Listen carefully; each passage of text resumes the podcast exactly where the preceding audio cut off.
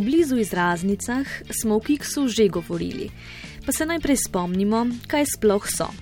Gre za besede oziroma besedne zveze, ki se razlikujejo v eni ali dveh črkah oziroma glasovih, pomensko pa ni nujno, da so si sorodne.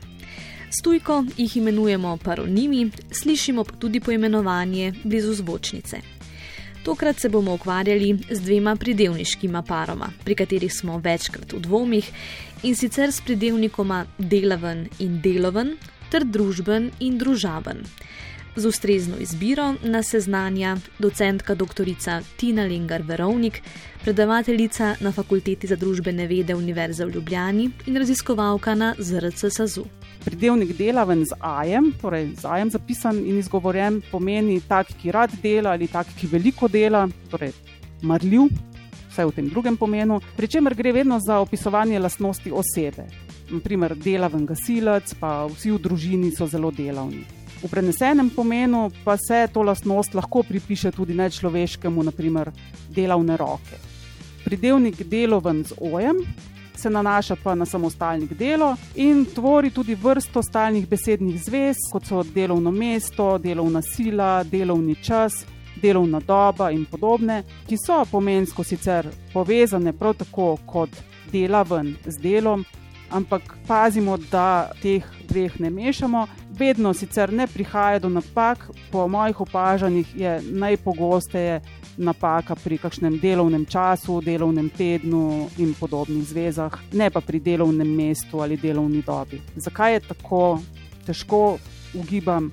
Morda tudi zato, ker prihaja do delnega prekrivanja pomena pri samostalnikih, delavnik in delovnik pisanega enega z ajem in enega z ojem. In sicer samostalnik delavnik z ajem ima dva pomena. Eden je dan, ko se dela, torej delamo ob delavnikih in praznikih, nobenega dneva nimamo prostega. Recimo. V drugem pomenu pa je to lahko tudi ustaljeno število delovnih ur v enem dnevu, 8-urni delavnik. No, in v tem drugem pomenu je lahko in pogosto rabljen tudi delovnik, pisan z ojem. Tukaj se torej besedi prekrivata, osemurni delovnik, skrajšan delovnik in morda to pomensko prekrivanje vpliva potem v celotni besedni družini tudi na to, da pri delovnem času, kdaj prihaja do rabe delavni čas z ajem, kar pa je napaka. Tukaj torej pa prekrivanja ni in tudi dvojnice ni nadaljujemo s parom, o katerem se je pred leti precej razpravljalo. To sta pridevnika družben in družaben. Pridevnik družben se navezuje na samostalnik družba in če želimo poznati pomene pridevnika družben, moramo najprej vedeti, kaj pomeni družba. V groben, če povzamem SSKJ, je to lahko bodi si skupnost ljudi in njihovih odnosov, bodi si skupina ljudi, ki jih družijo skupni interesi, ali pa podjetje z več solastniki in delničari. Družben se torej nanaša na enega od teh treh pomenov besede družba. Pridevnik družaben pa se nanaša bodi si na razvedrilo in zabavo, tako poznamo družabne igre, bodi si na medsebojne človeške odnose v določenem okolju, ko govorimo recimo o družabnih dogodkih. Največkrat se pa dilema pri tem paru blizu zvočnic pojavlja v zvezi s spletnimi omrežji. In o tem se je veliko govorilo in se še kdaj pojavlja, čeprav so danes, mislim, da stvari veliko bolj jasne in veliko bolj razčiščene.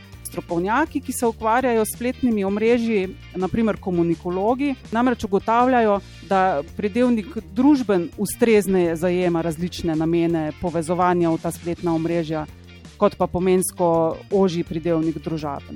Ta omrežja so sprva sicer bila namenjena druženju in zato tudi izvorno družabna. V slovenščini smo govorili sprva o družabnih omrežjih, ko so bila največkrat namenjena druženju, vzpostavljanju in vzdrževanju stikov. Sčasoma pa so vsa ta omrežja, ta prvotni namen prerasla, danes omogočajo skoraj da nepregledne možnosti rab, zato govorimo o družbenih omrežjih, In če nam v vsakdanji rabi takšni primeri marsikdaj parajo živce, so v svetu literature in ustvarjalnosti blizu izraznice še kako dobrodošle, poudarja docentka dr.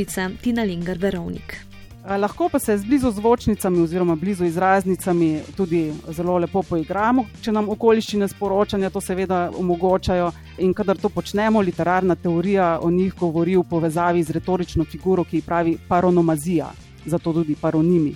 Še najbližji slovenski prevod tega bi bil besedna igra, igra, torej, pri kateri se poigravamo tako s podobo kot s pomeni besed. Posebej pogosta je v književnosti za otroke.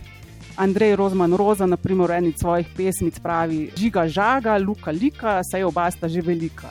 Žiga žaga in luka lika sta taka paronima oziroma blizu zvočnici. Ali pa Boris Anovak, ki se prav tako v eni od svojih pesmic sprašuje, kaj je mala kobila in odgovarja kobilica pa kaj je mala trobenta, trobentica in v tej uh, maniri dalje do kaj je mala šala, tale šala, ki jo obravnava v pesmici, šalica, kar je pa prav tako. Paronim oziroma blizu zvočnica pa še več pomenka, da je stvar še bolj zapletena in zabavna.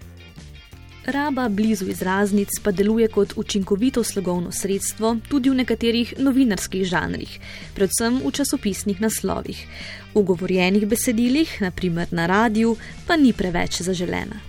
Posebej uporabne so blizu zvočnice zato, da pritegnejo pozornost nas, bralk in bralcev v naslovih pisnih prispevkov. Navedem lahko dva taka primera. Prvi je varčnost in varnost, in drugi prazen praznik.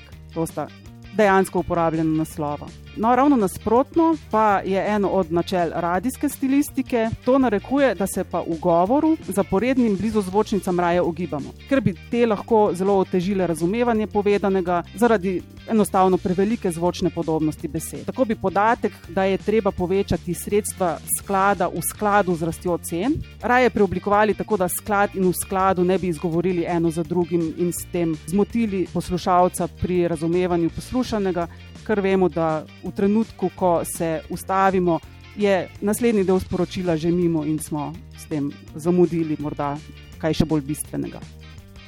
Blizu izraznice torej lahko uporabljamo v različnih kontekstih, v splošni rabi pa nam jih pomaga razumeti in razmejiti predvsem slovar slovenskega knjižnega jezika, to porišečeva slovnica in priročnik, ki pa vas jezik žuli. Če ste v večjih dvomih, pa se lahko obrnete na jezikovno svetovalnico Inštituta za slovenski jezik Frana Ramovša ZRC SAZU in tam zastavite svoje vprašanje.